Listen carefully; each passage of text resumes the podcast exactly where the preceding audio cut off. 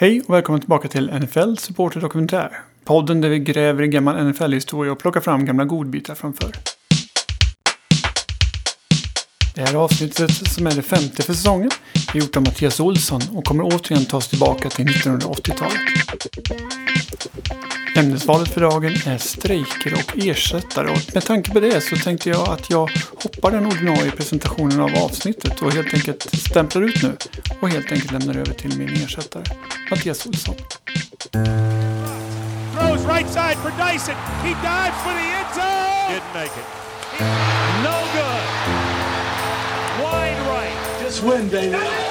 Due to the various uncertainties surrounding my position as it relates to the team's new ownership, I've decided to resign as the head coach of the New York Jets. four words. This one's for John. Idag ska vi alltså dyka ner i NFL-säsongen 1987. Ett alldeles unikt år med så många spännande små intressanta vinklar att den givit upphov både till dokumentärer och en Hollywoodfilm. Det började med en spelarstrejk som i sin tur fick NFL att kontra med att ersätta alla proffsspelarna med hundratals hoppfulla lycksökare. Vissa var semiproffs från mindre ligor medan andra var bilsäljare eller bartenders. Ja, en quarterback fick till och med permission från fängelset för att vara med och spela. Lagen fick så småningom sina egna smeknamn som Chicago Spare Bears, The Seattle Sea Scabs eller The New Orleans Saint Elsewheres. Och trots att strejken inte varade särskilt länge fick den långtgående konsekvenser och la grunden för det NFL vi har idag. Vi ska in och tassa lite på alla de här olika delarna, men först ut strejken och reaktioner på den. Sen har vi de strejkbrytande ersättningsspelarna som Hollywood inspirerades av. Vilka var alla dessa lycksökare som lagen skrapade ihop på bara några veckor? I vissa fall bara några dagar. Och vad hände med dem? Och vad fick vi hela äventyret för konsekvenser för ligan framåt? Välkommen till The Replacements.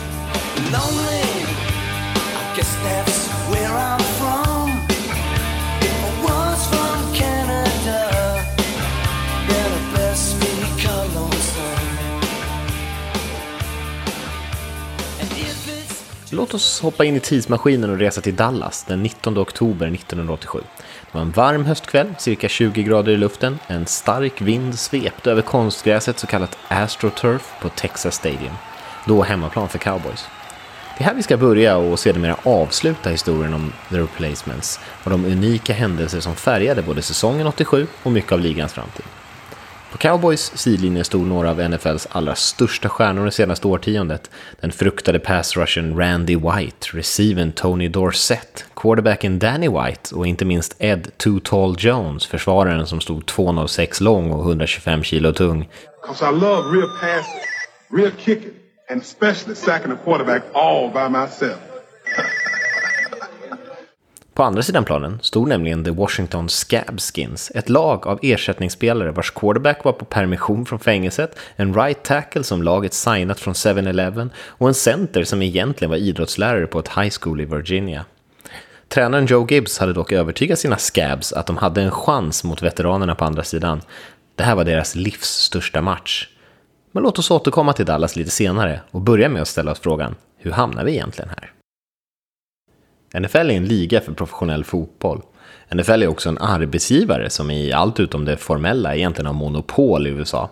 Historien i superkort version är att ligan grundades 1920, 22 bytte man namn till National Football League, NFL, 1966 kom man överens med AFL om att gå ihop och det lyckades man få till till 1970 i det som brukar kallas the merger. Sedan dess har lag tillkommit eller flyttat, men det ser fortfarande ungefär likadant ut som det gjorde på 70-talet. Maktbalansen i NFL består egentligen av två stora läger, ägarna och spelarna. Arbetsgivare och arbetstagare, precis som i vilken annan organisation eller företag som helst. Och precis som i vilken annan organisation som helst så har man ett kollektivavtal som reglerar lön, ersättning, avstängningar och andra saker. Och precis som alla avtal är det ibland positivt och ibland negativt för de olika parterna. You win some, you lose some. Dessa avtal, Collective Bargaining Agreements, CBAs, omförhandlas med jämna mellanrum. Det sjunde i ordningen och det som gäller just nu skrevs 2011 och det gäller fram till 2020. När man inte kan komma överens om ett nytt avtal eller om någon speciell situation uppstår kan det bli en så kallad lockout eller strejk, lite beroende på om det är ägare eller spelare som tar initiativet. Det var precis vad som hände 2011. Den längsta genom tiderna faktiskt, fem månader lång, för er som minns den. Och som tur var kom man överens till slut och skrev på i början av augusti ett långt tioår, tioårskontrakt. NFL har totalt haft åtta lockouts eller strejker, varav två handlade om domarna.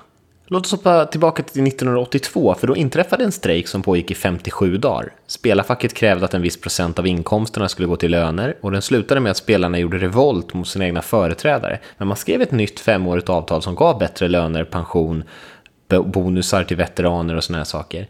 Men 1987 hade alltså det avtalet löpt ut och spelarfacket hade fått en ny ordförande, Gene Upshaw, en eh, Hall of Fame guard som hade spelat för Raiders. Det var Upshaw som ska ha samtalet med Cowboys general manager Tex Schramm när Schramm enligt ryktet ska ha sagt Gene, det är en sak du måste förstå, vi är ranchägarna och ni är boskapen och vi kan alltid skaffa mer boskap. Schramm har ju förnekat att han skulle ha sagt det på exakt det här sättet. Eh, men oavsett vilket så blev det ganska eh, hetsk stämning mellan de två lägren. It's got to stop. This gang is disbanded. No. Just what? Disbanded. Disbanded, you mean? Abandoned? Yep. All of those things. It's No. gone. No. Yes. No. Yes. No. Yes. Yes. No. How about yes? How about no? I'd rather you say yes. No. Yes. Uh, Murray? Not now. I'm just in the middle of a debate, Greg. Så varför var spelarna missnöjda 1987 då? Den stora frågan var egentligen free agency, eller rättare sagt att det inte fanns någon riktig fri marknad för spelarna. De fick byta till ett annat lag, men kommissionären hade då möjlighet att tvinga det nya laget att kompensera det gamla med till exempel draftval eller spelare. Och priset kunde vara högt. Det skrämde bort lagen egentligen från att delta i budgivningen om spelare. Men man kom inte överens och efter den andra veckan av matcher meddelade facket att strejken var ett faktum. Den skulle pågå i 24 dagar. Ligan ville inte ge med sig och matcherna vecka 3 fick ställas in. NFL bestämde att man skulle spela de övriga tre omgångarna ändå. Och nu börjar den riktiga cirkusen. Ungefär 15% av spelarna avstod att delta i strejken och fortsatte spela. Randy White, Joe Montana, Steve Largent, det var några av dem. Några av dessa svartfötter, eller scabs som det kallas i USA, fick mycket kritik även om det varierade stort mellan olika städer hur mycket eller lite stöd spelarna fick. Generellt stod många på de strejkande spelarnas sida, kanske lite kontrast till hur det skulle se ut idag. De strejkande spelarna protesterade utanför arenor och träningsanläggningar och fans kom dit för att stötta dem. På många håll blev det hotfullt och våldsamt för reserv eller vanligt folk som trots strejken gick och tittade på matcherna. Few were welcome at the vet today. Some 2,000 union members joined forces with the striking Eagles. Their message was clear. I think anybody wants to go in and see a game like that, they're scab fans. It was supposed to be peaceful, You deserved everything you got. This is a union city. But by noon, it got out of hand. I just want to see a football game. I just got hit in the back of the head down at that gate down there. That's this one over here. That's real, you know, garbage. I got money involved in this. I'm a little old widow, but I got money involved, and I paid to see the Eagles, and I'm going to see them play. In Kansas City gled spelarna Paul Kaufman, Bill Maas och Dino Hackett upp utanför arenan i en pickup och viftade med hagelgevär och hade en kamphund i koppel. De letade, enligt egen utsago, efter scabs. Jack Del Rio, Hall of Fame linebacker och tidigare coach för Raiders och Jaguars, var en av de mest upprörda spelarna. Way to go, Raiders! That's what I'm talking about, baby! En av reservspelarna anklagade Del Rio för att ha skurit sönder hans bildäck och stämningen blev väldigt aggressiv. En scout från Chiefs försökte gå emellan men hamnade på marken i ett flera minuter långt slagsmål med Del Rio som senare fick betala skadestånd för misshandeln. Lagen var alltså tvungna att fylla truppen på ett eller annat sätt. En eh, del tog det på större allvar och andra inte på så stort allvar. Idag fokuserar vi lite extra på Washington där eh, sportchefen Bobby Bethard och hans sidekick Charlie Casserly verkligen gick igång på utmaningen och började leta spelare med ljus och lykta. Eh, Vissa av spelarna har berättat i efterhand hur Casserly, mannen med den fantastiska rösten, både ringde hem till föräldrarna, knackade dörr och var väldigt The påstridig. objective of the draft is to improve your football team. And when you can get players, and they did in the first three rounds, that improve three positions at the right value, that's when you hit a home run in the draft. Så småningom började trupperna runt om i ligan fyllas på med mer eller mindre erfarna och begåvade ersättare. Och innan vi tittar närmare på Redskins kan vi göra några nedslag i andra delar av ligan. Minnesota Vikings eh, chansade på att konflikten skulle lösa sig och fick verkligen stressa ihop ett lag när strejken blev ett faktum. Man anordnade en lokal tryout i Memphis av alla ställen och nöjde sig egentligen med de spelarna som dök upp där. Lagets quarterback, 37-åriga Tony Adams, hade inte spelat på sju år. Han höll igång med lite flaggfotboll på helgerna och jobbade med ekonomi på dagarna. Han tyckte det var värt pengarna och ta lite stryk men hade aldrig trott att det skulle bli tre matcher. Eh, enligt honom själv tog det ett halvår innan kroppen återhämtat sig. Vikings ersättare förlorade alla sina matcher. Kurt Ploger var en annan spelare i Minnesota. Ploger jobbade som ingenjör och var tvungen att lämna laget en vecka för att han hade använt upp all semestertid på jobbet. Han skadade sig men använde pengarna till att utbilda sig till pastor sen. Så han fick ändå ut någonting positivt ur det. I Philadelphia så tyckte Buddy Ryan, den berömda tränaren, att kvaliteten var så låg att han helt enkelt bara lämnade träningen och lät sina assistenter leda övningarna istället. En annan kul historia är från när Detroit Lions mötte Seattle Seahawks så hade Hall of Fame-receiven Steve Largent som vi nämnde tidigare, han hade ju brutit strejken och återvänt till laget. Han hade 10 mottagningar för 260 yards mot Lions och, och när de frågade tränaren i Detroit var, varför han bara hade spelat man-man och en mot en med, mot Steve Largent, en så duktig spelare, så svarade han helt enkelt varför skämma ut två spelare när man kan skämma ut en. Lagen hittade som sagt spelare lite överallt, i andra ligor, bland före detta collegestjärnor som lagt skorna på hyllan, spelare som gett upp drömmen, tagit andra jobb, jobbat som bartender, säkerhetsvakter, lärare, säljare och till och med en och annan som vände burgare på McDonalds. They can't beat us because we're family run. I'm working the drive-through. There is no drive-through. No, thank you. Det blev riktiga trasdocksgäng, även om de flesta av spelarna som eh, såg det som en andra chans och var väldigt seriösa eh, så hade de kanske inte riktigt eh, kvaliteterna som krävdes. Och ingen visste riktigt hur det skulle gå, varken coacherna, fansen eller Las Vegas för den delen. De här lagen fick som sagt roliga smeknamn. Los Angeles Shams, Chicago Sparebers nämnde vi innan. Och kanske min favorit, San Francisco Phony Niners, var en, ett bra namn också. För att hålla en hyfsat röd tråd här ska vi som sagt fokusera lite extra på Washington Redskins, eller Scabskins som det mer eller mindre nya laget kallades. Bobby Beathard och hans högra hand Charlie Cassidy tog utmaningen på större allvar än många andra. De gick ut hårt för att fylla truppen, började tidigt. Jag nämnde några av spelarna i början. Alla hade spelat tidigare men hade minst sagt lite olika frågetecken. Cassidy beskrev laget safety som grymt bra. Sprang som vinden och slog till som blixten, men jävla vad han var dum. Quarterbacken Tony Robinson hade varit en stjärna i college, men blev aldrig något på proffsnivån. Efter att ha försökt sälja crack till en civilklädd polis åkte han in på kåken. Han var på permission, med det sexiga uppdraget att gräva hål för sådana där brandsläckare som man ser på trottoaren i USA. När Redskins lyckades plocka upp honom och spela quarterback, i alla fall ursprungligen som backup. Kicken eh, Obed Shukuma Ariri var en annan intressant karaktär. Han hade varit en duktig fotbollsspelare, alltså med en rund boll, i Nigeria som blivit scoutad av Clemson som kicker. Ariri blev den första nigerianska spelaren i NFL när han debuterade för Tampa Bay Buccaneers 1984. Han blev så småningom av med jobbet till en annan nigeriansk kicker som Ariri själv hjälpt komma över till USA. Men han fick alltså chansen på nytt som ersättare 1987 innan han gick vidare och började köra taxi i Tampa Bay.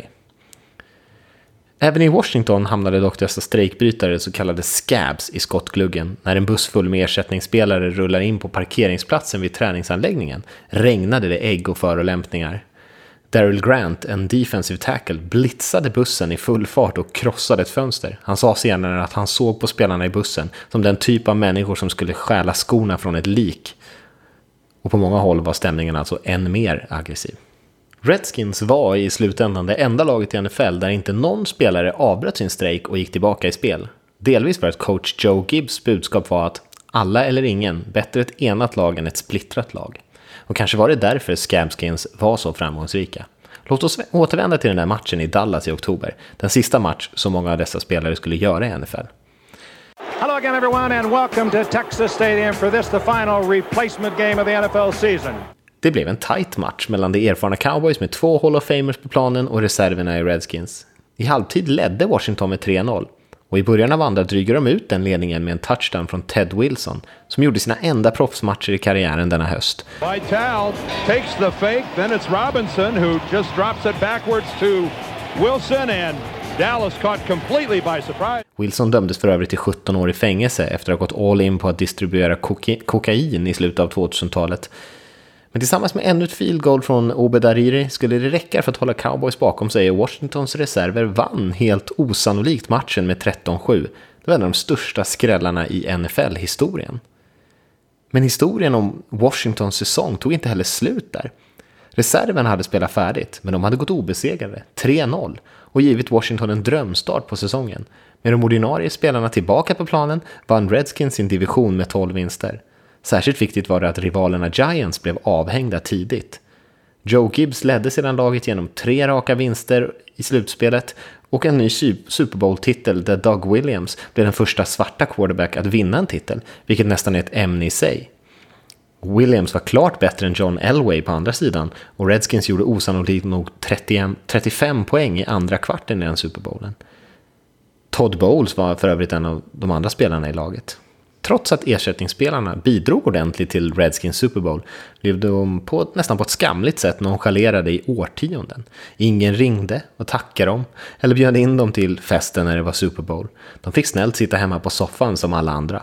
NFL låtsades som att de där veckorna i september och oktober 1987 aldrig hade hänt. Det dröjde fram till sommaren 2018, över 30 år senare, innan Washington bjöd in alla spelare till en särskild ringceremoni. Kanske blev pressen för stor efter ISBNs uppmärksammade dokumentär. Kanske ska vi låta Gene Hackman, som spelar tränaren i filmen The Replacements med Keanu Reeves i huvudrollen, sätta ord på det hela. We can be heroes! When the replacement players for the Washington Sentinels left the stadium that day, there was no ticker tape parade. No endorsement deals for sneakers or soda pop or breakfast cereal. Just a locker to be cleaned out and a ride home to catch. But what they didn't know was that their lives would be changed forever. Because they had been part of something great. And greatness, no matter how brief, stays with a man. Every athlete dreams of a second chance. These men lived it.